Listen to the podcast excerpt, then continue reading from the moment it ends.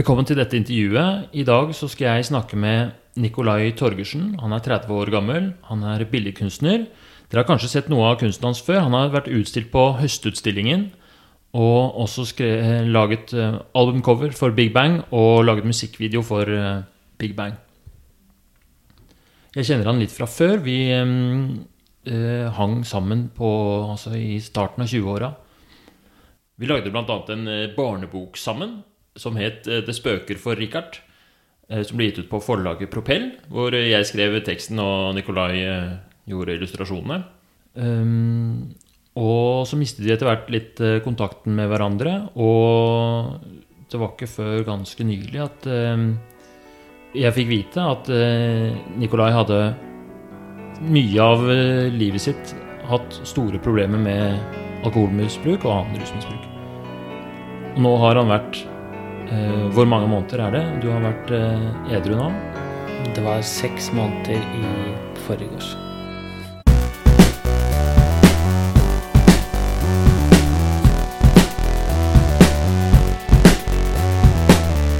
Man blir en veldig sånn person som teller dager. Ja. Eh, Det, som jeg trodde bare var på film. Men eh, den appen er morsom. Du har en app, ja. Hvor du Det var, det var juks jeg lasta ned en, en dag før seksmånedersdagen for at jeg skulle få notification. Sånn. Okay. Velkommen til intervju. Takk. Kan du fortelle litt om livet ditt, eh, det som du tenker er viktig for denne samtalen, og, mm, og litt hvorfor eh, Eller hva som har skjedd de siste årene? Ja, altså det er vel litt uh, tilbake til eh, at jeg ikke har hatt en vanlig jobb osv. Vi ta Jeg jobbet som Jeg jobber som aktiv billedkunstner nå, og har gjort det egentlig altså mer eller mindre siden Eller hele livet, egentlig. Jeg sluttet på skolen da jeg var 13, som eh, i hvert fall Jeg kjenner ingen andre som har gjort det, så det er veldig ekstremt i så måte. Og så Eh, Begynte å jobbe, hadde litt jobber som fotograf da jeg var 14-15, og så gikk det over til designjobber da jeg var 16-17-18-19. eh, Hvor jeg begynte å synes det ble litt kjedelig igjen, så da gikk det mer over til ren på en måte, kunst. Da ikke så mye mm, kommersielle designjobber. Ja, så har jeg vel jobbet som billedkunstner siden det, eh, av og på. Men eh, eh, på en måte da jeg var 21 år og jeg trodde jeg hadde suksess, så, så er jo det på en måte bare en sånn uh, veldig liten peak som, uh, som gjorde at jeg Eller altså rusen tar mer og mer overhånd, og så til slutt så lager jeg ingenting. Da. Jeg bare går rundt og tror i mitt eget hode at jeg er dødsflink til det jeg driver med. Og til slutt tjener jeg nesten ingen penger, for jeg lager kanskje altså tre bilder i året. Så det er helt forferdelig. Så er det vel um, Jeg vet ikke hvor mye man skal ta opp det inn i Men liksom depresjon og suicidal som bare tar over alt sammen. Så jeg har ikke gjort noe eh, de siste tre årene, egentlig. Hadde én soloutstilling i 2019, men bortsett fra det så er det ganske slapt arbeid. Helt fram til høsten 2020, hvor jeg ble innlagt på akutt rehabilitering. Um, og har vært rusfri siden det, da, og fått jobbet i hvert fall, eller ekstremt mye mer siden det. Kan du si noe om hvordan eh, det startet for deg med rus? Hva, hva og når og hvordan begynte det? Jævla hasjen? Nei, nei, det er ikke det. Um, det, er, eh, det er vel som alltid at det er en sånn Da man begynner å eksperimentere med det. Og jeg var ganske sen, fordi jeg hadde så mye andre kule ting jeg holdt på med. Men i 18-årsalderen så finner man ut at det, uh, den festdelen er morsomt. Eh, men så er- kommer det også med noe helt utrolig som rus bringer på bordet. Det er liksom den eh, beroligende effekten da, av det. At man endelig får slappet av. Og hvis man har mye man sliter med på den ene eller, ene eller andre, måten, andre måten, så er det bare en sånn et, et helt nytt univers da, som eh, jeg ble ganske fanget inn i fordi jeg aldri fått liksom, den roen før. Så det som starter som å på en måte ta en øl etter jobb, liksom, eller sånne ting, blir jo til at det heller blir en øl med en gang jeg våkner, og så etter hvert utvikler seg til at jeg ikke klarte å Jeg klarte ikke å gå og legge meg uten å ha en flaske sprit i senga, for jeg visste jeg måtte, måtte begynne å drikke med en gang jeg våknet. da. Var, hvor gammel var du da du var der, liksom? Um, altså 25 rundt det. Ja, 25. Så jeg har vel ikke hatt Jeg har ikke hatt en edru dag ute på gata på en syv-åtte år, tror jeg. Noe sånt. Fram til nå fjor høst, da. Så det er fortsatt en skummel eh, fase, men det går overraskende bra, egentlig. Så um, alkoholbruken starta med jobbpils og sånn vanlig festing, som på kanskje samme nivå som uh, folk flest. Men så på et eller annet tidspunkt i starten av 20-åra så tok det overhånd, og du ble helt uh, avhengig. Ja. Var det sånn at det var ubehagelig å være edru? Ja, altså det, det ubehaget er jo på en måte noe jeg har kjent på hele livet. Så det var jo på en måte bare en løsning på det problemet som var veldig sånn quick fix. Um, uh, ja. Jeg vet ikke helt hva jeg skal si. Fordi det, det, det er veldig det er, det er jo anerkjent. Man kan jo alltid skylde på at det er en fest eller at det er en anledning, men den anledningen kan like godt være en, en, på en, måte en sørgeanledning, da, en negativ anledning, og, og positiv. altså Det funker jo i alle situasjoner. Du gjør det i begravelse eller i et bryllup. Og det er eh, Til slutt så er jo livet Eller hvis du drikker i begravelse og bryllup og alt imellom, så er jo det på en måte totalen. Da sitter du der og drikker 24 timer i døgnet, og det var det jeg endte opp med å gjøre. Og i tillegg til altså alt mulig annet av dop også, som jeg har fått tak i. da, Eller jeg har på en måte aldri takket nei til noe. Fordi det er en slags rømning som er, som er ganske god, da. Eh, men som ikke funker overens med forhold, eh, jobb, bare ved et vanlig liv. Eh, og i tillegg så er alt det man rømmer fra, det blir jo bare forsterket og man maler seg veldig opp i et hjørne, da, hvor uh, de problemene jeg hadde, ble jo bare verre og verre og verre. Og eneste løsningen var å på en måte drikke eller ruse meg for å glemme det. Og så våkner man opp dagen etterpå, så må man ta i dobbeltsart og Ja.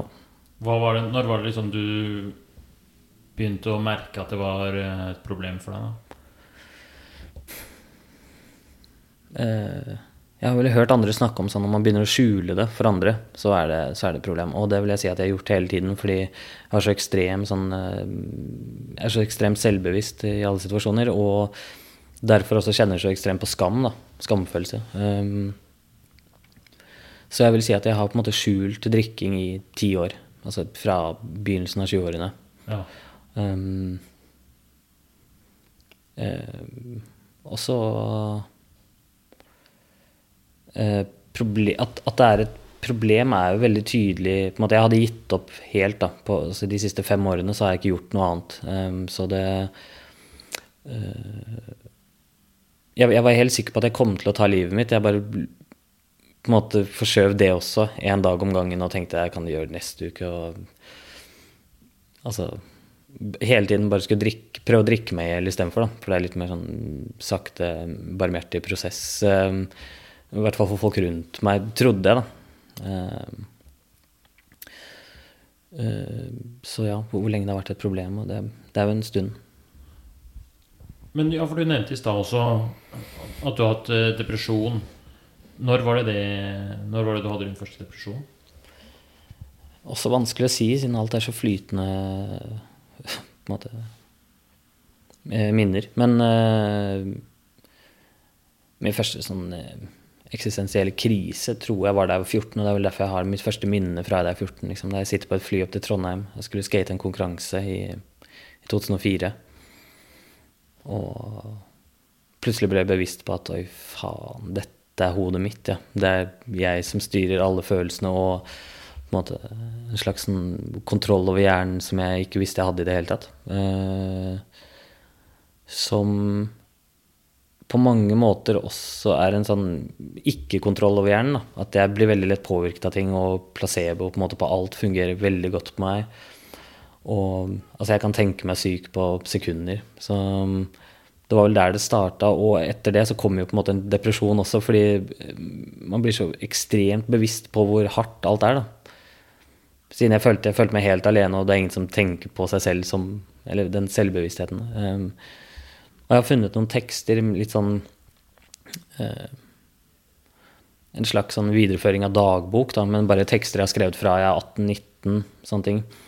Som er eh, helt ekstremt trist. Altså, det står ikke konkrete ting der, men det er bare et menneske som er helt håpløst. Eh, så jeg vil si at uh, Jeg kan ikke huske noe liv uten det. Eh, men jeg er mye bedre nå enn det jeg har vært eh, Altså, for første gang i mitt liv, da, så har jeg ikke sånn innstilt på å ta livet mitt. Det er jo en Det er, ja. Det, det, det er ekstrem følelse å kjenne på det. Altså, jeg står jo opp på, måte, på morgenen, det har jeg aldri gjort før. Ja. Det, det har jo på en måte bare vært perioder hvor man ligger bare i senga i tre døgn altså, og drikker alene helt til jeg på en måte må ut og kjøpe mer drikke, og da blir jeg ute i tre døgn, og så er det Ja. Så de siste fem-seks åra har vært en sånn altså konstant eh, drikking. Du har ikke vært edru en eneste dag. Og ekstremt mye negative følelser, depresjon og selvmordstanker. Kan du si mer om de selvmordstankene? Hvordan de har utvikla seg? Ja, det er vel um, Det er vel det at uh, den håpløsheten tar helt overhånd. Og eh, jeg, jeg kjenner meg ikke igjen i noen andre sitt liv, hvis det går an å forklare det på den måten. At jeg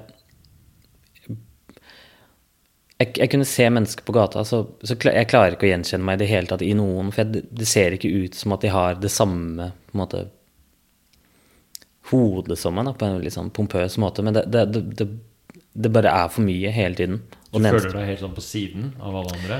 ja, man blir veldig ensom. Da. Jeg har jo ekstremt mange venner, og ekstremt mange nære venner òg. Og alltid hatt liksom gode relasjoner og folk rundt meg. Men um, den, måte, den livsangsten da, som bare tar helt overhånd i enhver situasjon, som gjør at uh, at uh, måte et liv uten rus, det var ikke fysisk mulig engang å leve. Altså, jeg ikke å gå Jeg hadde perioder hvor jeg ikke klarte å gå fra soverommet mitt eh, inn på badet for å gå på do, liksom.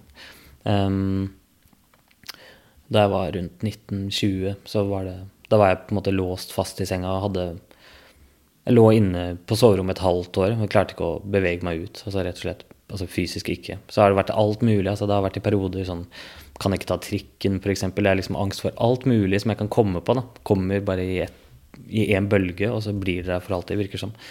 Så det er derfor rusen er på en måte sånn enkelt, men Fordi når du drakk, så turte du å gjøre ting du vanligvis ikke turte? Ja.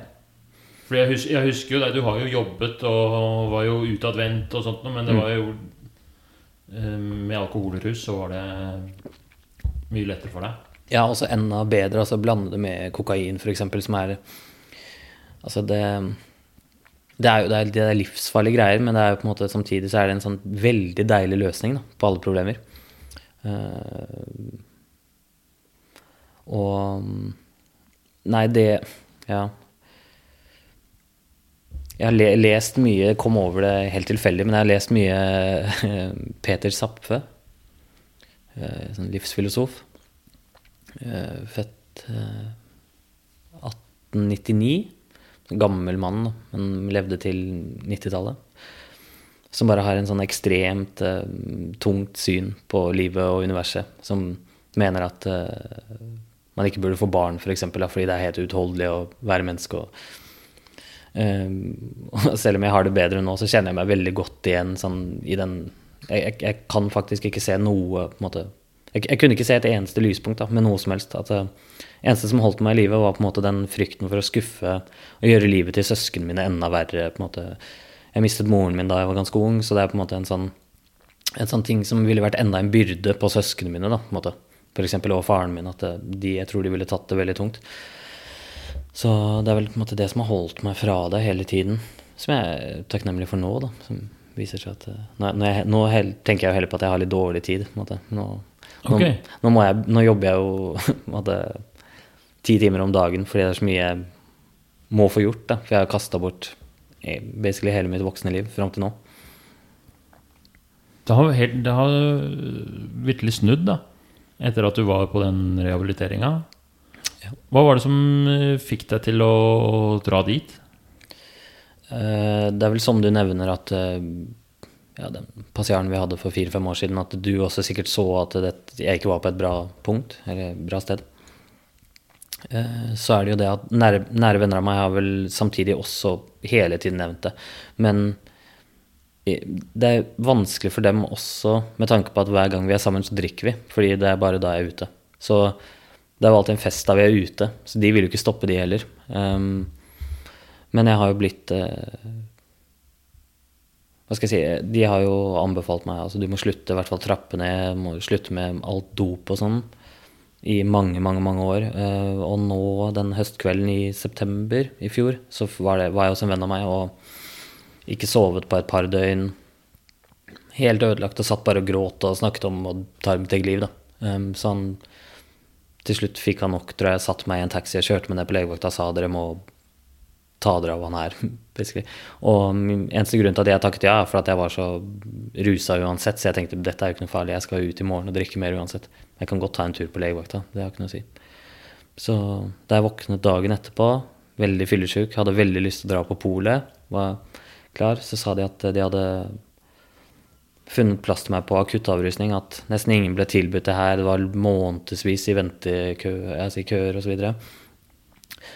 Men at jeg kunne bli kjørt og lagt inn på en måte om en halvtime. da. Hvor Var det du var det fortsatt på legevakta? Eh, nei, da, jeg hadde blitt flyttet til, um, jeg hadde blitt flyttet til Lovisenberg. Og så fikk jeg tilbud om RAM oppå på Aker. Ja.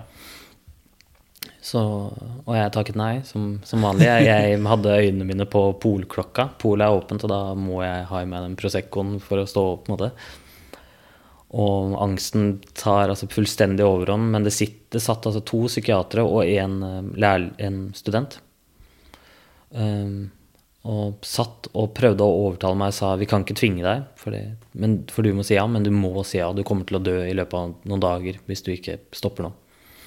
Så mm, de satt i halvannen time mens jeg hylgråt og på en måte prøvde å rettferdiggjøre for meg selv. Nei, men jeg skal trappe ned, og jeg skal bare drikke i dag, og så kan jeg slutte selv i morgen, osv. Men det hadde jo aldri skjedd. Eh, så etter halvannen time cirka, så takket jeg, og da var det bare med en gang så sa de ja, ok, da bestiller vi taxi. Og da kom jo oi faen, skal jeg ta taxi opp? Da kan jeg bare be han kjøre hvor som helst. på en måte. Så underveis i en taxi. Jeg, jeg klarte jo så vidt å gå. Altså jeg har jo jeg var jo så sterkt på en måte avhengig av alkohol også at jeg klarte ikke å gå til polet da, edru. Så jeg måtte jo alltid ha drikke hjemme for å kunne drikke meg opp til å gå ut. Så bare det å skulle sitte der og legge meg inn selv, det var helt sånn Jeg hadde ikke noe tro på det. Og jeg var jo veldig redd da jeg var der oppe, så jeg var på avrusningen lå jeg i seks døgn, og den um, uh, altså Man har sånn luftetidspunkter. Man kan gå ut ti minutter annenhver time med følge med lege, men det er ikke ut, det er bare ut på en balkong da, med høye gjerder, og du skal ikke stikke av. på en måte. Og jeg takket ja til det to ganger i løpet av seks døgn, så jeg var ute på en måte ti minutter totalt på seks døgn ute av rommet. For jeg var livredd. Altså. Det var skummelt bare det å gå ut på en balkong, liksom? var eh... Umulig. Ik ikke skummelt engang. Jeg vil si at det er umulig. Altså, fysisk, jeg klarer ikke. Så um, det første jeg gjorde da jeg ble sluppet ut av avrusninga, var å dra rett på butikken og kjøpe meg pils. Um, og så dro jeg Og det var fordi Rema 1000 ligger liksom rett nedenfor. Så kom jeg meg ned på polet på Rosenhoff, så kjøpte jeg en flaske vodka. Og den har jeg hatt i sekken. Jeg har den fortsatt. Altså jeg har den med nå til og med. Du har den i sekken her? Ja. Um, um, som jeg ikke har drukket ennå, men som jeg måtte kjøpte med en gang jeg kom ut. fordi jeg så for meg på et eller annet tidspunkt så må jeg begynne å drikke igjen. Uh, nå har det gått litt over et halvt år, så uh, Altså, jeg kan jo ikke Ja. Men jeg er i hvert fall urørt fortsatt.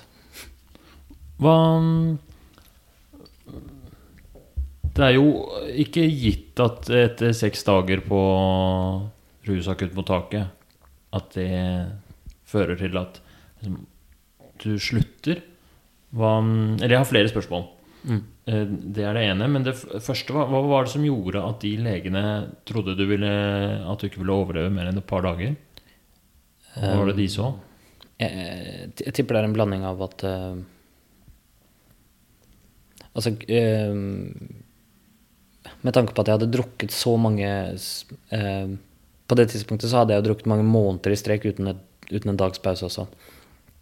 Um, og da er jo promillen altså Man kan jo få sånn som man hører om sånn Litau eh, Sjåfør fra Litauen som krysser grensa med syv i promille osv. Som er helt sånn Men det er bare for man sitter våken og bare drikker og drikker og drikker. Uh, og det var det som Og jeg hadde jo puttet i meg alt mulig typer av dop også. Og men oppførte meg på en måte helt normalt, da, bortsett fra at jeg strigråt og snakket om å ta livet mitt. Så uh, var jeg på en måte talefør og kunne gå rundt og sånn, men de blir jo sjokkert over å se en fyr med fire promille gjøre det. da, Og særlig sånn dagen etterpå når jeg fortsatt har to i promille og er helt på en måte rolig og ikke noe. Eh, så eh, Men den viktigste faktoren av det tror jeg vel at de så på en måte alvoret i eh, hva skal jeg si, drapstruslene mine, eller på en måte ikke trusler, men slags eh, måten jeg snakket om tilværelsen på, da. Ja, Du var helt innstilt på at du skulle dø. Ja, og um, ingenting. Altså, jeg har pleid å ta et dilemma for venner. Altså, hva, hva ville du gjort hvis du kunne velge mellom å få 500 000 cash in hand, skattefritt, eller sprenge hele jordkloden at alle døde samtidig? Da? Eh, fordi det er på en måte var det ultimate for meg. Bare at alt fordi da slipper jeg den dårlige samvittigheten på en måte Ja. etterlivet også for å, for å ha tatt mitt eget liv. Da. Så du ville heller sprengt kloden enn å få 500 000, fordi Ja. Det ville ikke hjulpet noe som helst. Nei. Men at alt tok slutt, det var den optimale. Ja. Det var det du håpa på. Mm. For det eneste som holdt deg fra å ta livet ditt, var eh, samvittighet, Samvittighet. eh, for søsken. Mm. Uh, og Fy Søren, så mørkt og så dystert. Så Ja, er- langt nede du var. Ja, altså det er, det, er, det er på en måte bare Til slutt så var jeg bare en person som satt Det var også hver eneste gang jeg var ute av døra, så var det bare Jeg gikk bare rundt og hylgråt på gata. Altså det var ingenting igjen det var, det var ingen grunn igjen. Jeg prøvde bare aktivt å drikke meg i hjel, da. Så Eller ta, ta livet mitt med bare å ruse meg i stykker, liksom. Uh, og jo fortere, jo bedre. Så det var eh, så, uh, uh, Man har sikkert former, forskjellige former av depresjon, da. Og men jeg, jeg kan virkelig ikke forstå hvordan noen kan være lenger ned. Da. Jeg, jeg, jeg kan ikke fatte det. Så Ikke at det er noen konkurranse, men jeg tror um, legene så alvoret i um, det og um, ryddet plass på det akuttmottaket for at jeg skulle ja, få umiddelbar hjelp. Og jeg har fått ekstremt støtte etter det også. Altså psykologer, rusterapeuter, oppfølging fra leger konstant. Uh, Um, tilbud om på en måte, støtte fra Nav osv. Sånn, masse som Alt går veldig på skinner. Da. Jeg blir tatt veldig med silkehansker uansett hvilken instans jeg er borte nå. Um, og på en måte prøver å sende sånn melding til de hele tiden. At jeg, selv om de ikke har hørt fra meg fra to uker nå, jeg har det fint. Ja. Ja. Ble du møtt på en god måte, syns du? Eller hvordan, hvordan opplevde du de dagene på rusakuttmottaket og Lovisenberg? Ja, det er helt essensielt for, eh, for at jeg er i live, tror jeg, på en måte. Og i hvert fall ikke har falt tilbake på å fortsette eh, med rus og det gamle livet. At uh, den tryggheten er helt ekstrem. Da. Og jeg vet ikke om det er bare i mitt tilfelle at jeg reagerer veldig sterkt på, på måte, den autoriteten eller um, den kontrollen jeg føler de har. Da. Men uh, jeg følte meg veldig trygg og eh, ja, på ingen måte noe engstelig eller noen ting da jeg lå der oppe. Jeg følte de hadde veldig kontroll, og jeg lå jo der for Man kan få ganske harde mm, sånne tilbakeslag da, da man slutter så akutt å drikke. Og ta selvmedisinering. Eh, Ja, for du var ikke bare alkoholabstinenser, men du hadde tatt mye andre rusmidler òg? Ja, det var vel det var mest kokain, men det var jo på en måte nesten en daglig greie det også. Eh, så kom jo alt eh, speed, MDMA i tillegg. Eh, alt mulig av piller som jeg kunne få tak i. Det eneste jeg på en måte ikke satte pris på, var hasj, da, for det var på en måte soft drug som tulla med at jeg ikke gjorde soft drugs. Ja. Mm. Så også et, et motto jeg lærte av en annen venn av meg på nachspiel, så er det bare så er det soft drinks og hard drugs. Så bare kjøp, Soft drinks og hard jeg Ja, bare kjøper lettøl og speed, på en måte. Det, er- mm. Ja. Jeg nevner ikke navn.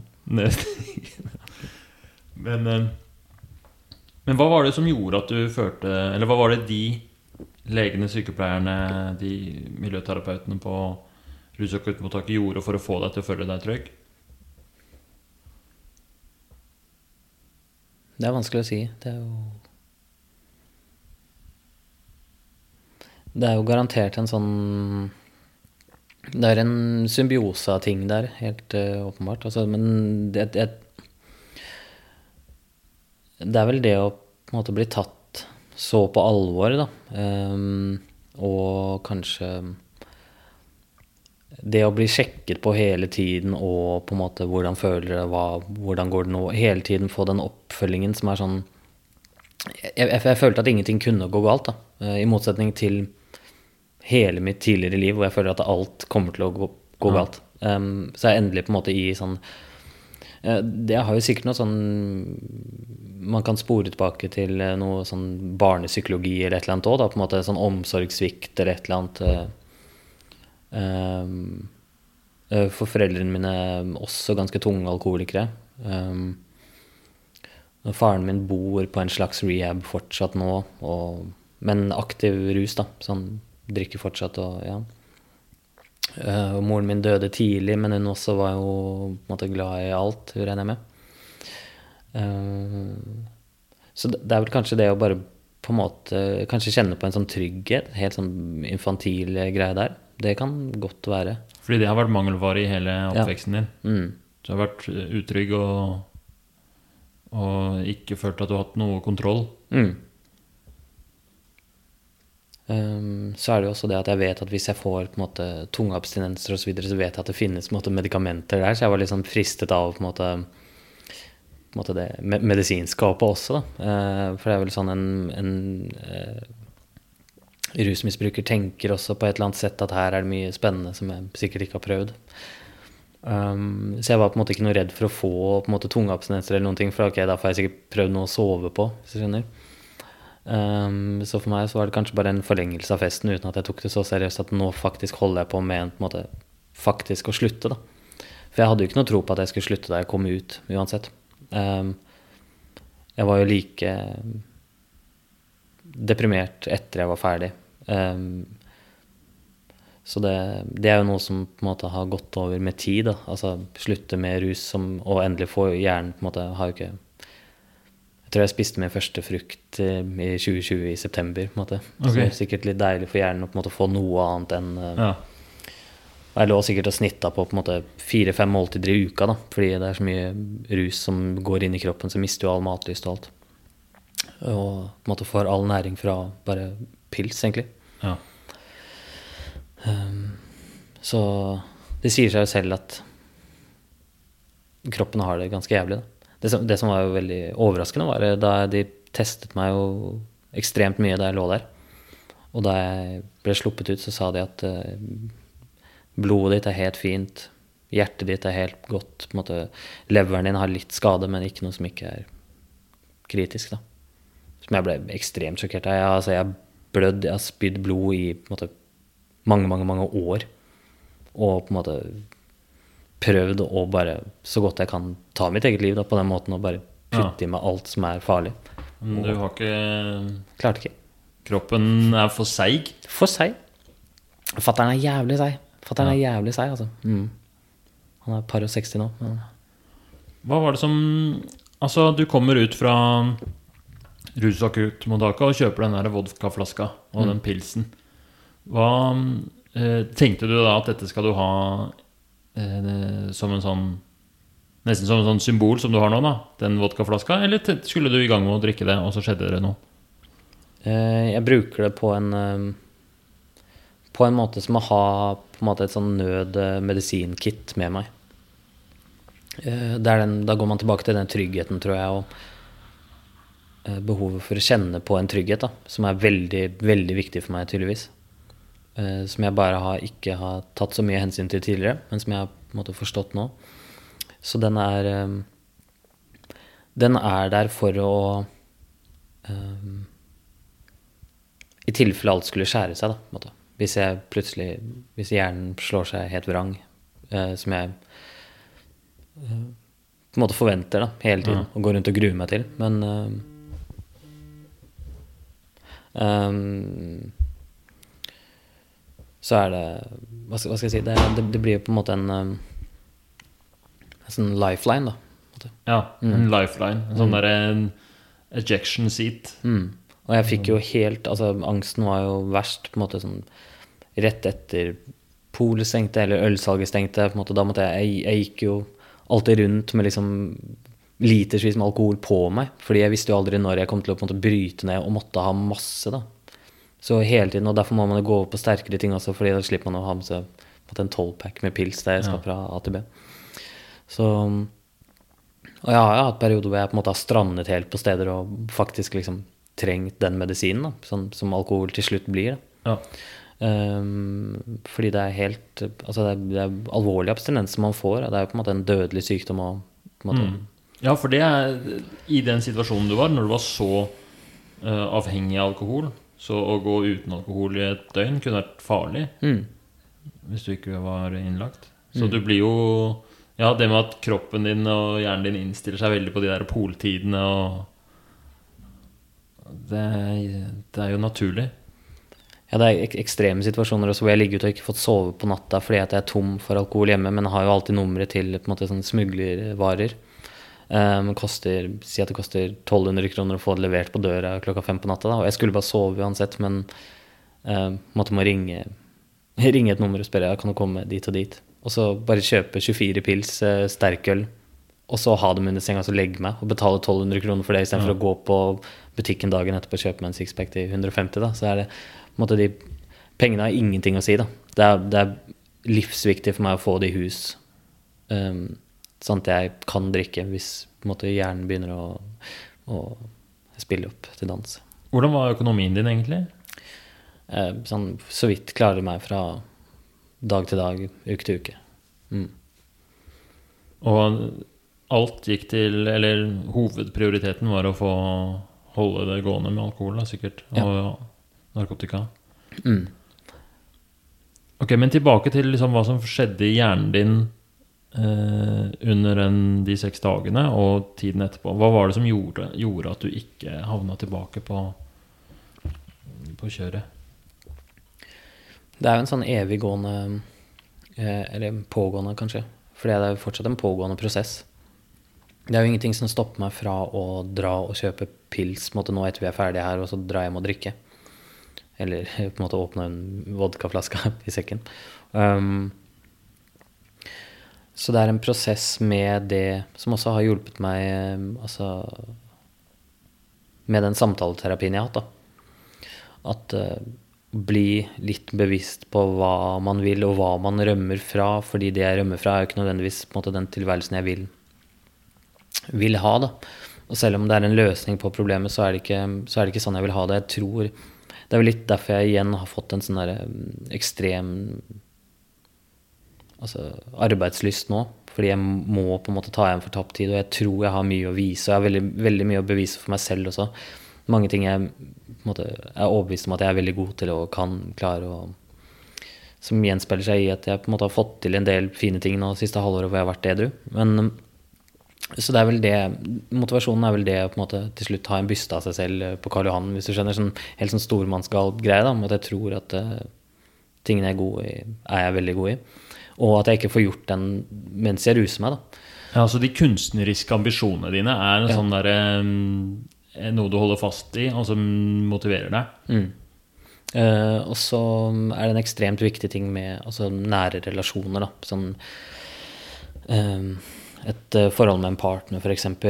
Uh, som som jeg i ettertid har blitt helt sånn sjokkert over at uh, på en måte andre har hatt toleranse for. da, Tidligere. Hva Eh, mener du med det? Eller, Um, nei, nei, altså Altså Rusavhengighet blir jo en ekstremt sånn egosentrisk greie som jeg også er helt nødt til å pleie, på en måte, og det må alltid komme i første rekke. da. Så det å på en måte Vil du dra på en middag, så er det Nei, det, det går Hvis jeg har 1000 kroner, nei, det må gå til dop og Altså, jeg har ikke råd til det. Eller, eller helt sånne ting at jeg faktisk fysisk ikke klarer det. Hvis det er steder som ikke Altså jeg har fortsatt et sånn hardt minne om at jeg og kjæresten min dro på en restaurant, jeg tror det var dagen etter nyttårsaften, som er litt sånn Jeg føler det er litt eh, Hva skal man si Litt eh, frowned upon å begynne å drikke en Det er kanskje den største edru- edru-dagen vi har, da. Så det var jo på en tyrkisk, tyrkisk restaurant hvor de ikke serverte alkohol. Husker jeg måtte bare pine i meg det måltidet, bare kjappe meg som faen. Fordi Ja. jeg var helt forberedt på å kunne drikke mens vi var ute og spiste. ja, og så plutselig så innser du her er, det er ikke alkohol her, og den middagen blir helt forferdelig. Mm. Jeg har jo selvfølgelig drukket på forhånd før jeg dro dit, ikke sant, men um, Så ja, nå snakket jeg kanskje litt vekk, men det, det er vel det at um, Det håpet om Ja, på en måte ambisjonene, da. Ting jeg faktisk har lyst til å drive med. Og i rusterapi så har det hjulpet. Jeg har vært på noen kurs og sånn lært om um, ambivalensfirkanten, er det Er det det det heter? Um, hvor man setter litt ting opp mot hverandre, da. Um, ja. Livet med rus, livet uten rus. Eh, positive og negative sider. Og, liv, ja. ja? Um, Nemlig, og det er kjempebra at du bringer opp, for det er jo hele uh, den, den, firkanten der, det er liksom verktøyet i motiverende intervju. Mm. Jeg visste ikke at den het ambivalensfirkanten. Men det er jo, så, det jo, det håper jeg den gjør. Men så det var du Det, det jobba du aktivt med. Mm. Uh, den, um, kan du si mer om det? Hvordan, om første gang du ble eksponert for det, og hvordan det funka?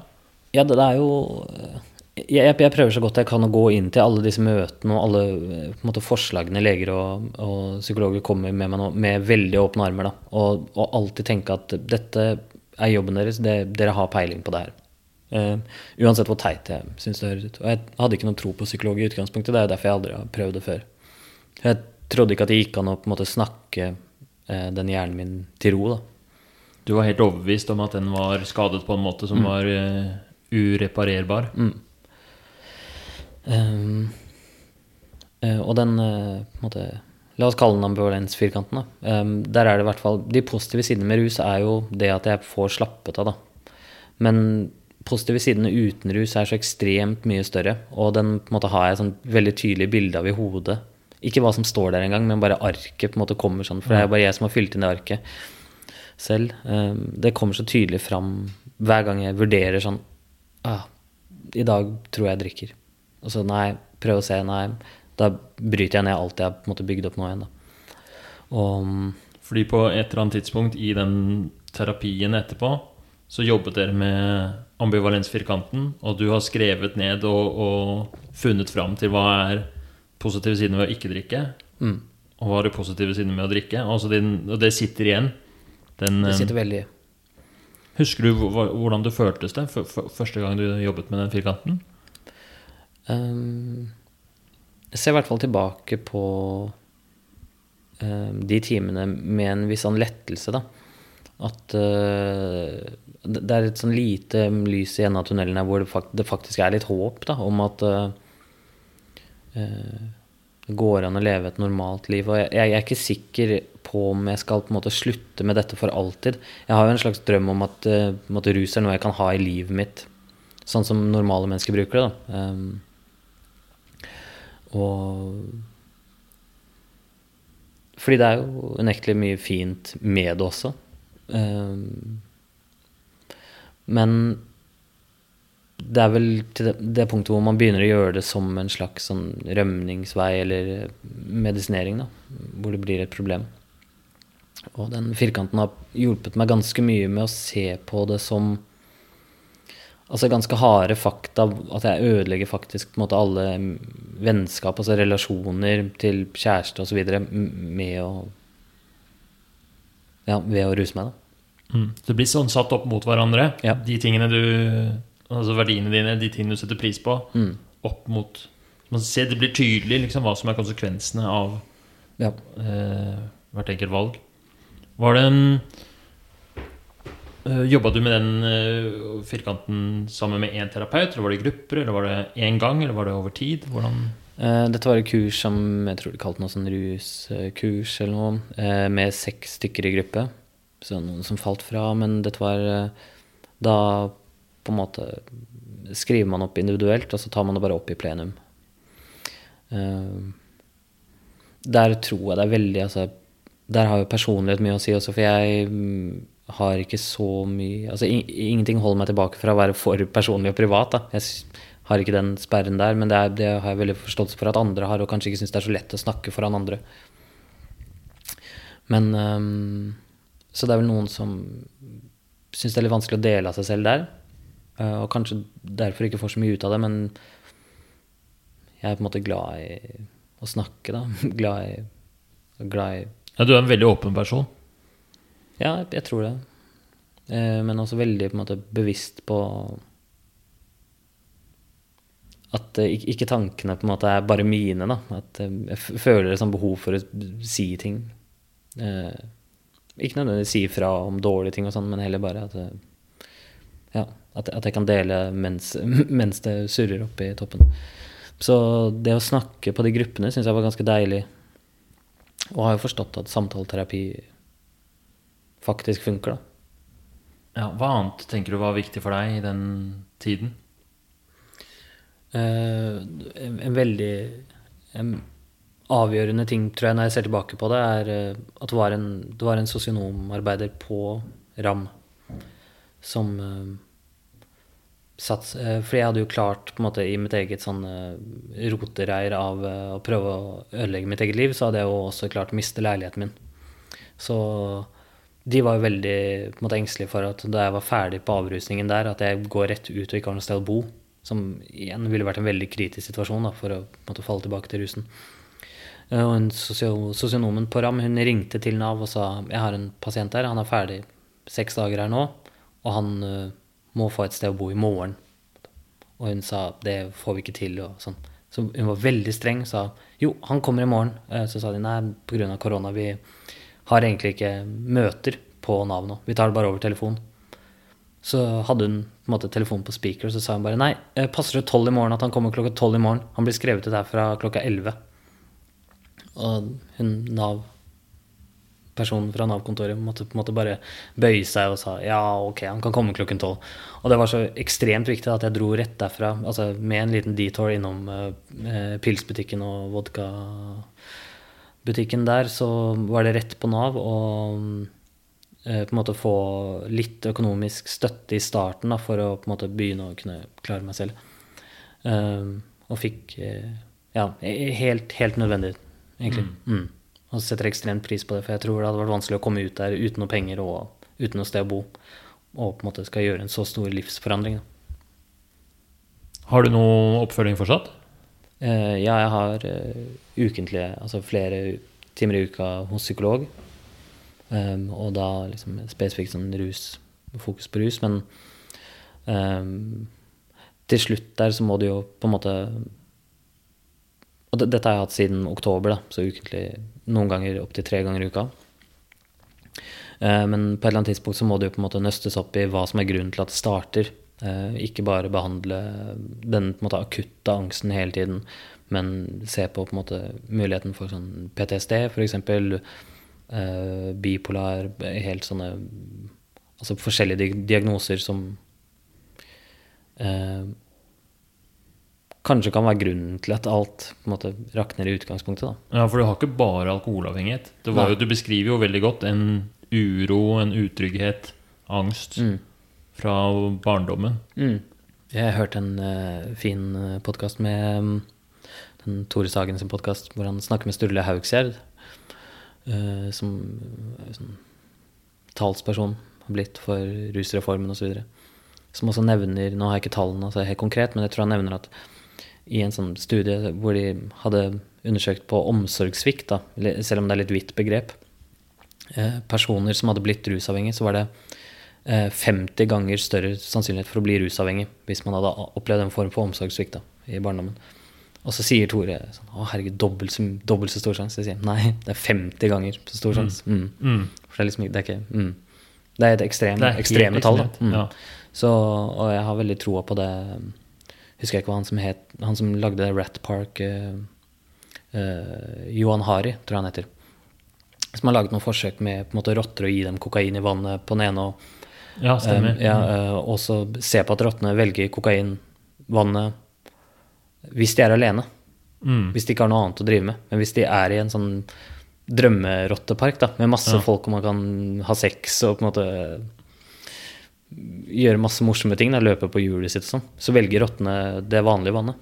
Ja, De, de, da trenger de ikke rusen. Ja, fordi det var et, først et opprinnelig forsøk em, hvor man uh, ga rotter muligheten til å velge kokain, og så så man at alle rottene ble kokainavhengige. Mm. Var det ikke sånn? Men så var det um, en som gjorde et nytt forsøk, for de så på at ok, den tilstanden til de rottene er ganske trist. Mm. Så når de gjorde forsøket på nytt, men at um, rottene fikk bo i sånn veldig perfekte paradisomgivelser. Og de hadde masse andre rotter å leke med, og mat og tilværelsen var bedre. Da, var de, da ble de ikke avhengig av kokain, selv om de ble presentert på samme måte. Mm.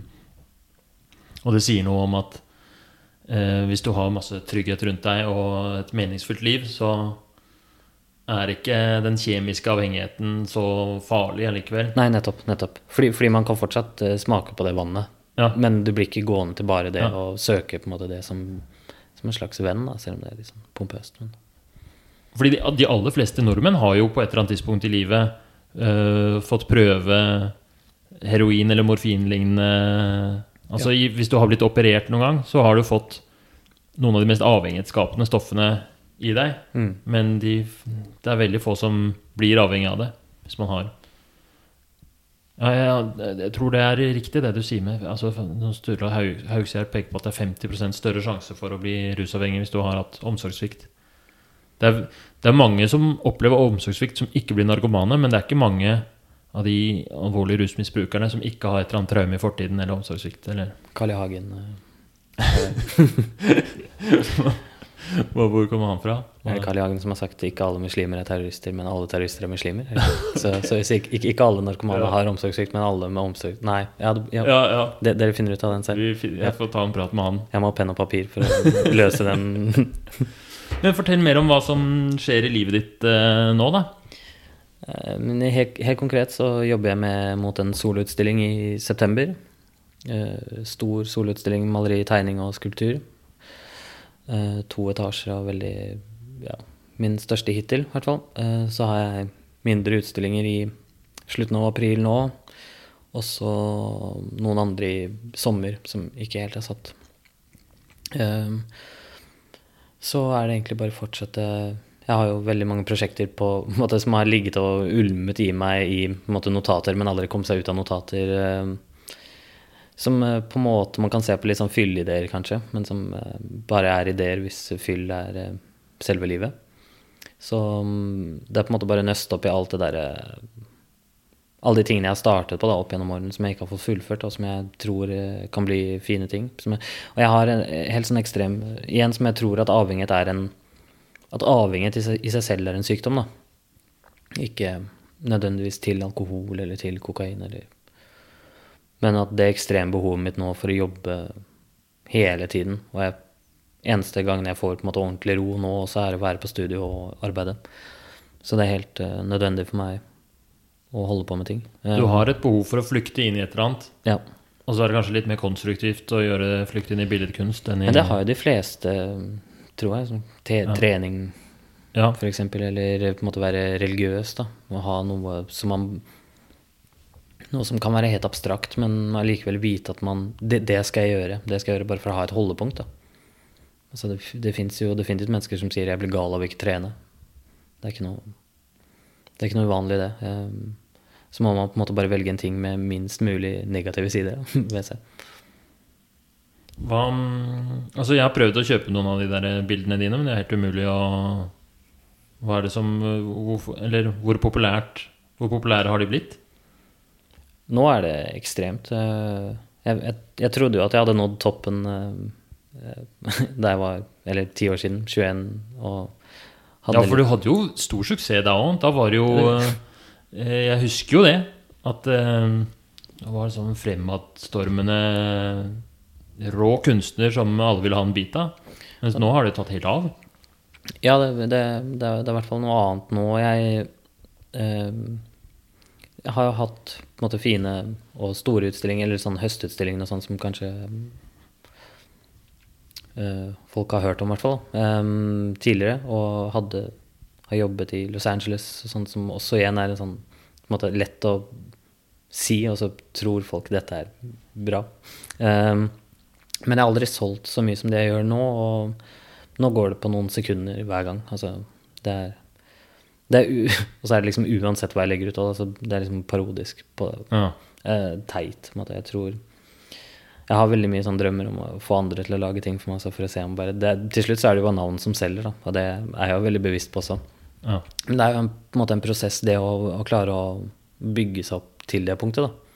Um, som også er uh, som også er på en måte hardt arbeid. Men uh, nå er det veldig populært, og så vet jeg i hvert fall nå at det, det kommer ikke til å vare. da. så ikke bare feire veldig mye nå med masse rus, og så på en måte da det går butt, så må jeg på en måte trøste meg med masse rus etterpå. Nå jeg kjøpte seks Munkholm i går måte, som jeg ikke drakk engang. Men det er bare den vanen av liksom hele tiden kjøpe en sixpack på fredager og sånn. Så um, nå, nå nyter jeg vel egentlig bare det å jobbe med en sånn frihet om at jeg vet at uh, jeg kan gjøre det i mange, mange måneder og på en måte forhåpentligvis år fremover uten å være stressa over sånn eh, økonomi sånn, eh, Fordi bare det å leie studio i Oslo er på en måte ekstremt dyrt. Da. Vanskelig å finne også. Så sånne ting Ja, det er veldig billig på hvordan det går nå, tror jeg.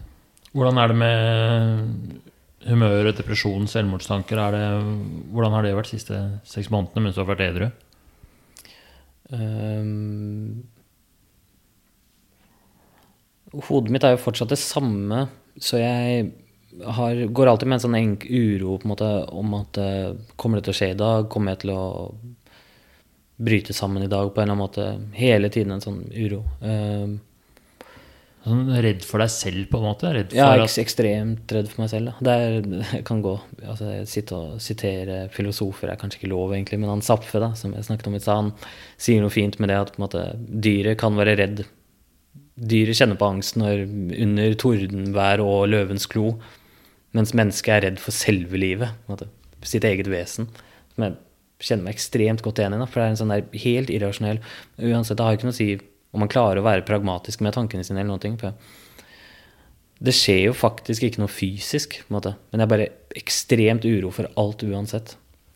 Som, som bare er helt uh, Den vinner overalt. Dessverre. Altså vinner over absolutt alt av rasjonalitet, egentlig. Så det er det. Um, og med det så kommer det en sånn Jeg begynte begynt å kjenne på den sånn små belønninger. Som går på butikken, liksom, sånn som vanlige folk har. sånn, men 'Nå har jeg tatt oppvasken.' Sånn, eh, altså Serotoninnivået mitt var jo sikkert helt ødelagt. ikke sant? Um, uh, så jeg begynte å kjenne på sånne små ting som jeg får litt glede av, da. Eh, men da igjen kommer små daler med ja, litt på en måte sorg og vanlige ting. Men, det, men dette er ting jeg på en måte vil ha i livet. Det er bare den ekstreme, bunnløse depresjonen som, som ikke er levebar. Da. Og den er jeg i hvert fall kvitt nå. For Altså nå, for en periode så er jeg forberedt på at på et eller annet tidspunkt så kommer de tilbake. Så må man bare heller ha måtte, andre metoder eller andre verktøy å løse det med, da, enn å bare forsvinne i rus. Ehm, eh, selvmordstanker er helt borte for første gang på veldig, veldig mange år. Og det er jo bare ekstremt å føle på det. på En, en slags uh, uh, det, er veldig rart å sette seg inn i det når man ikke er der selv. Sikkert som for en lykkelig person si, hvorfor er du ikke glad til en deprimert, så er det litt akkurat jeg har litt problemer med å se hvordan jeg skulle ha lyst til å ta mitt eget liv nå, fordi nå er det helt motsatt. Men, selv om det har vært majoriteten av mitt voksne liv. Men uh, Nei, det forandret. Føles bedre. Mm. Det er interessant det der med at det er vanskelig å sette seg inn i eh, Altså for deg også, som har opplevd det selv, så er det vanskelig å sette seg inn i hvordan du hadde det da du hadde selvmordstanker. Det er, uh, det er et eller annet med hjernen. Jeg snakket med en psykiater som var ekspert på bipolar lidelse. Som sa at man, man, uh, hukommelsen fungerer ikke på tvers av uh, stemningsleie. Så hvis man er Og det var med tanke på de som har bipolar lidelse. Når de er deprimerte, så klarer de ikke å huske hvordan det var å være manisk. De husker bare de andre depresjonene. Mm. Og vice versa når man er, når man er manisk. og så husker man bare maniene. Ja, det kjenner jeg meg veldig enig i. Det er veldig lett å eh, De knaggene man har på sitt eget på måte, stemningsleie akkurat der og da, er veldig lett å måte, dra opp igjen. Uh, og kjenne på det. Men mens det er ganske uoppnåelig å fiske fram andre typer følelser. Ellers hadde jo bare det vært et triks på en måte, å tenke det hver gang. Nei, tenk på da du lå på stranda ja. på, på Tenerife. Da var du jo kjempeglad. Ja. Hvorfor vil du ikke oppleve det igjen? på en måte? Det tror jeg er noe av det som er så vanskelig og man får så, blir så frista til Når jeg møter en pasient som er deprimert, så har jeg så lyst til å overbevise den personen om at uh, det kommer til å bli bra igjen. For det vet jeg jo. Ja, ja. At uh, det går jo opp og ned. Så du trenger ikke gjøre noe engang. En depresjon vil som regel gå over av seg selv. Men det er umulig å få vedkommende til å forstå det. Og det fins jo ikke noe mer irriterende heller. eh, måte, å bli fortalt at uh, du vet at du kan løse det. Du kan, på en måte. Ja. Men så, alt, og svaret mitt var bare jeg, jeg kan ikke snakke med deg, for du forstår. Du forstår faktisk ikke. Det er en helt svart mur der jeg sitter helt, helt låst inn. Det fins ikke noen nøkkel. måte. Hva er det som kan hjelpe Eller hvordan vil du bli møtt, da? Altså fordi Å gi råd eller prøve å overbevise og sånt noe, det virker som er litt sånn litt fruktløst. Ja, i en sånn situasjon På en måte en, en tung situasjon, tenker du på? Um, jeg har jo ikke noe tro på tvang, egentlig. Um, så på en måte at den Det var vel en slags tvang jeg ble utsatt for, på en måte med Altså, de satt jo bare og ventet på at jeg skulle si ja, selv om jeg sa, sa nei i halvannen time, som sagt. Um, men noen ganger så trenger man på en måte å bli på en måte fillerista og sagt på en måte, dette, jeg, har, jeg har løsningen her. Ta den Mm. Men igjen, så jeg syns det er ekstremt vanskelig, for jeg hadde ikke jeg hadde aldri takket ja til det selv. Det virket sånn. som jeg hadde aldri oppsøkt det selv heller. Ja. Det, det er kanskje det som er at det, Men skal man ikke gå dør til dør og på en måte helbrede folk for å være lei seg heller? Nei, for det var jo Det er jo interessant, fordi det er jo hele tiden snakk om tvang. Det, når jeg, jobber, jeg jobber jo i psykiatri nå, og eh, tvang er en veldig stor del av hverdagen. Men det som du beskriver, var jo akkurat det. Det var jo en frivillig innleggelse. De sa det, de legene. Vi kan ikke tvinge deg, men du må. Så det var jo en slags sånn eh, tvang som ikke var en sånn institusjonell juridisk tvang, men det var som eh, Det var jo en, en voldsom autoritet, men sammen med omsorg der, da. Ja, det, det, er jo, det er på en måte snakk om semantikk, egentlig. For det var jo tvang. Altså, det, det er, de, hadde jo, de hadde jo sluppet meg fysisk hvis jeg hadde tatt av meg alle, alt jeg var koblet opp til av maskiner, og gått ut. Uh, men bortsett fra det så satt de jo faktisk tre stykker og måtte, rolig prøvde å overbevise meg. Mm. Og til slutt altså, litt mer aggressivt med tanke på det at eh, du kommer til å dø. Altså. Men igjen så er ikke måte det noe som skremmer en person som har veldig veldig, veldig lyst til å dø heller. Ehm, det høres ut som gode nyheter der og da. Ja. Mm. Jeg- jeg- Begynner jeg å nærme meg? på en måte. Du hadde nesten lyst til å få beskjed om at nå er det, det hjertet ditt er helt på siste verset. Da hadde du Ja. Men en annen ting du nevnte, som jo jeg tror er viktig for for oss helsepersonell, er det der med at eh, du følte deg tatt på alvor, Mm. og at du følte deg trygg.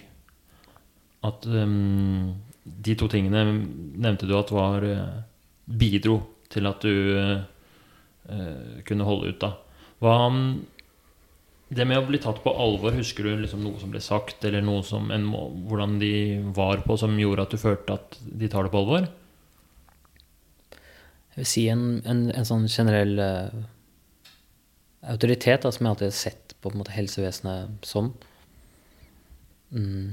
Og det er en sånn utstråling av å ha full kontroll hele tiden. For det er jo helt eksepsjonelt å alltid klare å være rolig i sånne situasjoner da, hvor man jeg, jeg regner med at selv også føler på en litt sånn Oi, faen, hvordan går det med den fyren som har fått kniv inn i halsen her nå, da? Men som hele tiden har den roen. Var et helt annet univers enn det jeg har opplevd tidligere. da, Hvor måte, omsorgspersoner, da, hvis man bare ser på sånn mor og far, som bare har vært sånn full av hysteri, hysteri da, hele tiden. Og alt går til helvete, og det er på en måte en slags sånn Ja, ja at, at den, den roen tror jeg er essensiell, men det er kanskje litt for enkelt svar òg. Jeg er usikker. Um, og ikke så konkret heller. Eh, Jeg kan ikke huske noe spesifikt som det, det, er, bare den rutinen og den gjennomgangen. Sånn her kommer det, nå tester vi deg for det.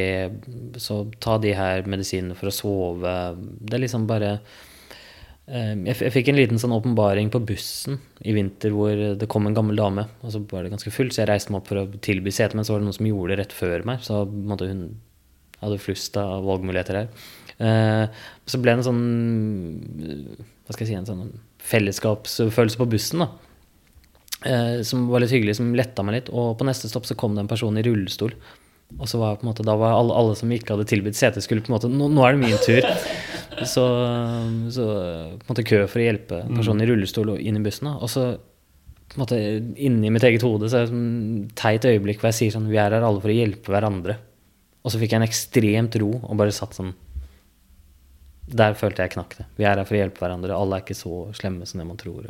Ja, du følte deg På den bussen så var det en sånn der, eh, følelse av tilknytning til de andre. Ja. Eh, som, som litt sånn hvis man, mangler, hvis man mangler en ting, så kan på en måte naboen låne deg det. Men han mangler sikkert en annen ting, så på en måte fullfører man et slags puslespill her i samfunnet med at eh, man faktisk hjelper hverandre. Da. Og den føler jeg ekstremt på bare hver eneste gang. Jeg føler meg veldig trygg da jeg er hos psykolog eller et eller annet. Fordi man bare Dette er mennesker med autoritet og kontroll. Da. Og de, jeg ser, ser på dem som sånne overmennesker som ikke har noe liv utenom. Jeg, jeg tror de, ingen, det er veldig skremmende når eh, Facebook-venner eller sånn barndomsvenner sier en, en jente jeg har gått i klasse med på ungdomsskolen, plutselig poster at hun er psykolog, så får jeg sånn Nei, du, du bryter den der fourth wall-greia mi, da, Ja. med at uh, du er vanlig menneske, og um, jeg vil helst ikke se hvordan det blir til. Um, det er en venn av meg som også har sagt at det er derfor det er så jævlig mye drittfolk ute, fordi alle de flinke menneskene jobber i helsevesenet, og de er på, de er på sykehuset. Så derfor er det så mye drittfolk som er ute og går i gatene. Men, mm.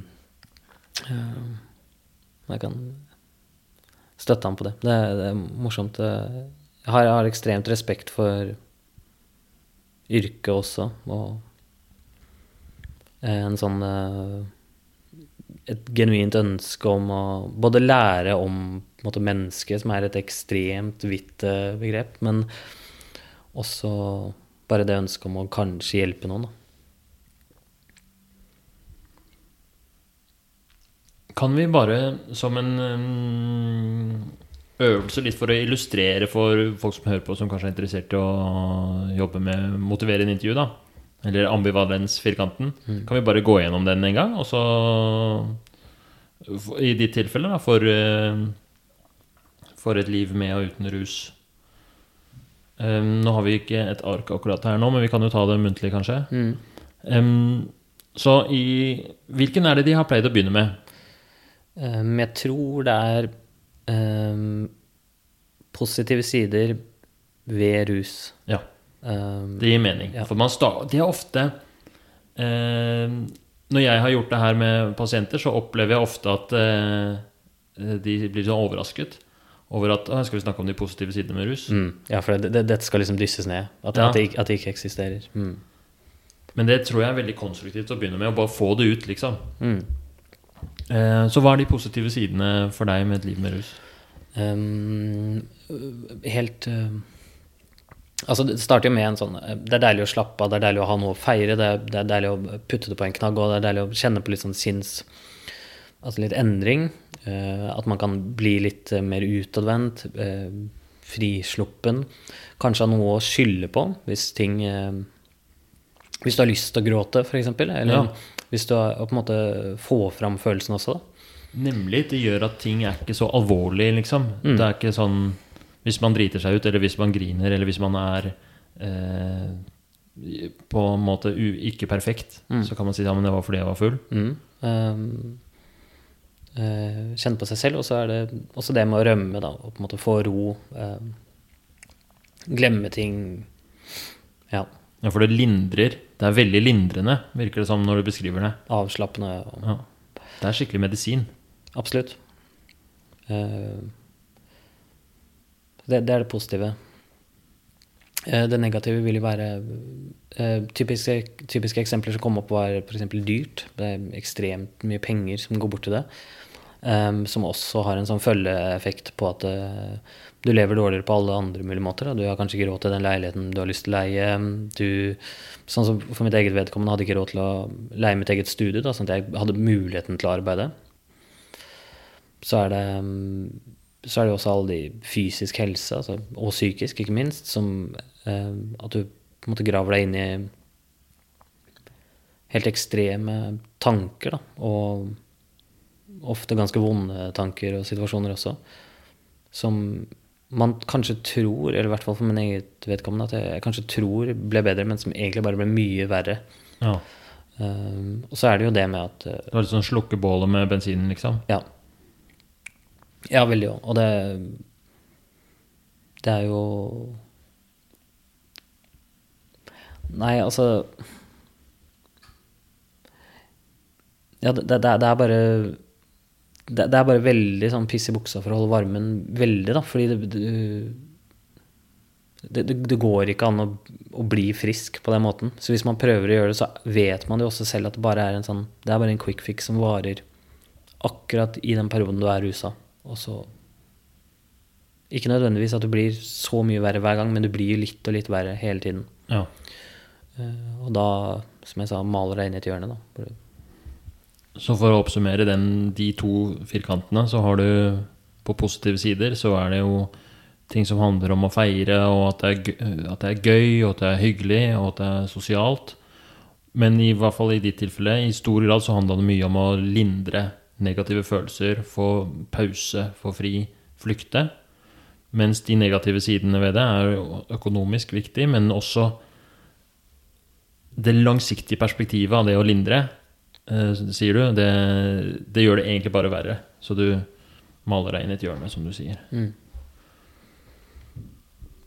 Det var da eh, fordeler og ulemper ved, med et liv i rus. Og så hører det med å ta fordeler og ulemper med et liv uten rus. Hva er det man begynner med da? Så tar man kanskje negative sider uh, uten ja. Altså med et edruelig liv, da. Og da husker jeg først, uh, og som jeg var veldig redd for, jeg hadde på en måte noen konsertbilletter i desember som jeg var litt sånn Faen, det kommer til å bli så kjedelig å dra på konsert edru. Det kommer til å bli så utrolig liksom, antiklimaks og Kjedsomhet? ja, den, den, utagerende mm, personligheten som de fleste får da, eh, under alkorus, og for så vidt kokain altså til en ekstrem grad. Da. Eh, man har liksom ikke et sted å putte den personligheten sin hvis man bare skal plutselig gå fra Nå er du ferdig på kontoret, så har du oppført deg i åtte timer, og så går du ut, og så uten å putte deg noe mer, bare oppfør deg helt bananas, da løper rundt på biltak og måtte, Du har ikke noe å putte den personligheten som er Som kan hende at du har den personligheten inni deg fra før, men ikke Du har liksom ikke noe utløp.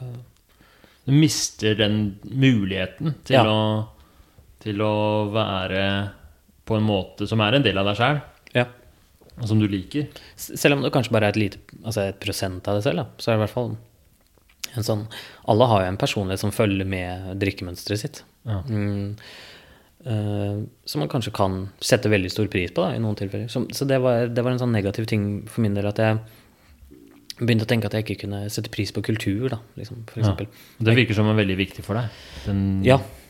Det er, det er, veldig viktig for meg. Og, og siden jeg er så engstelig også og kjenner på så mye uro, så og er så ekstremt følsom for inntrykk, så er ikke det noe jeg klarer å gjøre edru. Altså jeg, jeg, jeg, jeg, på en måte sletta Spotify. da. Jeg, tør ikke å høre på musikk, f.eks., for eksempel, fordi eh, jeg blir så ekstremt lei meg av triste ting, og jeg blir så ekstremt glad av å høre en fin sang. da. Uh, og, dette, og, dette, er på en måte følelser jeg ikke tør å touche borti edru. Det blir for mye svingninger? Ja. Jeg, jeg, jeg er redd Altså, jeg, jeg, blir livredd for meg selv, da. Og jeg blir så utmatta av at um, det kommer i sånne bølgedaler. Så det, men sånn Altså, jeg har jo hørt om mennesker som tør å høre på musikk edru, så jeg regner ikke med at dette er normen, men det var i hvert fall en sånn veldig spesifikk ting for meg at jeg, jeg kom til å miste alt av film, eh, musikk eh, se på serier, liksom. Bare helt sånn vanlige ting som jeg eh, ikke klarte. Jeg klarer det litt i bedre grad nå. Men må fortsatt måte, velge veldig sanger med omhu. Det er ikke noe som kan bare kjøre på. Altså. Så du mister litt sånn friheten til å bare dykke inn i alt det fantastiske som uh, mm. verdens kunstnere har skapt? Mm. Um, du må være veldig varsom. Ja. Um, du blir sårbar på en annen måte, da. Ja, absolutt. Eh, det, det, er i hvert fall en veldig sånn, typisk ting for min egen del. Negative sider uten rus. Så er det det positive uten rus som på en måte skal være en sånn oppsummerende som på en måte, Dette er holdepunktet, mm. dette skal stå i store bokstaver. Og det blir jo ikke presentert på den måten. Det skal jo på en måte være en flytende overgang, tror jeg, hvor bare folk blir bevisst på at oi, herregud, det er dette. Uh, og for min egen del så Da jeg satt og oppsummerte den, husker jeg ikke hva jeg skrev, da, men det er vel sånne ting som at de ambisjonene mine om ting jeg har lyst til å få til i livet, altså uansett om det er å skrive bøker eller lage store utstillinger eller på en måte utsmykke mm, en slott i Italia, på en måte, så er det ting jeg har genuint veldig veldig lyst til å føle på hele tiden. Da. Konstant det sånn der det Ligger og buldrer under Ja. overflaten et eller annet sted. Det er masse ambisjoner inni der, og masse ønsker og ting du vil. Mm, som bare blir kvalt av at eh, alle penger, all penger og tid går til rus. Da. Og før så aksepterte jeg det, for jeg trodde ikke at jeg klarte å være edru uansett. Så det var på en måte ikke en ofring jeg gjorde, at jeg valgte rusen foran det å skape ting. Ja, Det var ikke et eget offer, det var mer en sånn, sånn realitet. Sånn, ja. Du hadde ikke, det er sånn Motiverende intervjuspråket så er det mestringstillit som er en sånn kjempeviktig del av motivasjon. Om at man har trua på at man kan få, til, få det til. Og du var, selvfølelsen din var på bunn, liksom, og du hadde ikke trua lenger. Ja, fordi jeg ikke kjente noe annet. da. Eh, eh, Men da jeg begynte å skrive det opp og faktisk hadde gått et par uker uten rus og merket på eh, Selv om jeg var fortsatt følte på en liten depresjon og på en måte sånn tristesse der, da, så, så så jeg det på som en positiv ting at jeg ikke hadde lyst til å ta mitt eget liv lenger. Som er en sånn også som jeg tror er positiv for de fleste, da, men som to, tok meg litt tid å komme over den kneika at jeg faktisk ikke hadde lyst til å dø lenger. fordi da, da må man jo nødvendigvis få et annet livssyn. På en måte. Det blir jo på en måte snudd. Med en gang man crosser den grensa, så blir det på en måte svart-hvitt. Eh, og plutselig var jeg på den lyse siden hvor Altså det å oppnå ting, eh, eh, kunne stå for ting jeg sier, og på en måte oppførselen min, og sette pris på de menneskene rundt meg som både har hjulpet meg før og etter, og som på en måte bare har vært i livet mitt på godt og vondt. Ehm, så sånne Bare det å være i et fast forhold, f.eks. Jeg, jeg, jeg tror, vil tro at det er ganske vanskelig å være med en alkoholiker og på en måte altså, prøve å ha en samtale med en som har vært våken i to døgn på speed. Liksom. Det er bare sånn, Hjernen er jo helt grøt, så det, det går jo ikke. Ehm, så helt sånne elementære ting var veldig sånn befriende for meg å vite at faen, det går an å ha dette livet. Ja. Og det er faktisk verdt det å ofre den der ene konserten for at Mm. For For det at- blir satt opp mot hverandre, Ja. liksom. mm, Den, ah, det blir kjedelig i desember på den konserten, Ja. men Altså, jeg kan kanskje utsmykke slottet i Italia og ha en kjæreste som med, med en god følelse. Og så kan det jo faktisk hende at den konserten også blir helt ok fin, liksom. Ja. Det, det er ikke sikkert at det, Men eh, jeg, jeg var veldig engstelig for den. At jeg, at jeg ikke kunne utagere det. At jeg ikke Jeg får veldig mye av måte, den der rebelltilværelsen med å gå og på en måte gjøre hærverk og sånne ting. Da. Men det er, også, det er også en del med at, det, måte, at jeg liker å lage merker på ting. Sånn helt Ja. barnslig sånn, grunn til at man fortsetter å tegne, f.eks. at jeg liker måte farger og former. Så sånn, sånn hærverkdelen av meg, at jeg liker å liksom lage opprør, sånn helt barnslig greie med å røyke på bussen og sånn, da, som jeg holdt med som, det, det gjør jeg ikke edru, da. Sømmer seg ikke. Det er et eller annet med det du også savner. Ja. Ja. Du likte den delen av deg sjøl som røyka på bussen. Mm. Det er det ingen andre mennesker som liker. Men det, det, det, er kanskje et slags sånn opprør fordi jeg føler meg urettferdig behandla fordi jeg har hatt et annet liv da, enn på Ja. måte eh, majoriteten og litt sånn derre eh, nå, skal ta, nå skal du også ha det litt dritt i noen minutter her nå, og føle på den frykten sånn, hva faen er det han driver med? Eh, og det, det er også en stor del av kunsten, føler jeg, da. Og kanskje noen ganger invitere folk inn i den derre sinnssyke lidelsen det kan være, og hvor tungt det kan være. Da. Så jeg er veldig opptatt av måte, rom og alt som kan være sånn, as assosieres til veldig tunge følelser. Eh, spennende å se om jeg klarer å gi andre en følelse av det. Noen ganger, kanskje, men det, det går i hvert fall ikke an å gjøre med rus, da har jeg funnet ut av. Det går ikke an, å- Selv om det er da jeg har det vondest, så får jeg ikke det ut på papiret. Ja, Så du opplever at den rusen står i veien for alt det der med, med å sette mer... Altså Ja, å føre noe videre og skape noe som folk kan ha glede av og nytte av. Og, Mm. Har kanskje mottatt av glede av òg, da. At det blir provosert av eller blir skremt av eller Mm. Jeg syns det var en helt fantastisk gjennomgang av eh, ambivalensfirkanten, som den heter fra nå av. Mm. Jeg kommer sikkert på det andre ordet sekundet etter vi har lagt på røret her. Tusen takk for at uh, du stilte opp til et um, veldig spennende intervju og vært så åpen. Så, mm, og eh, lykke til videre Takk. med alt du driver med. Takk for det. Ha det bra. Ha det fint.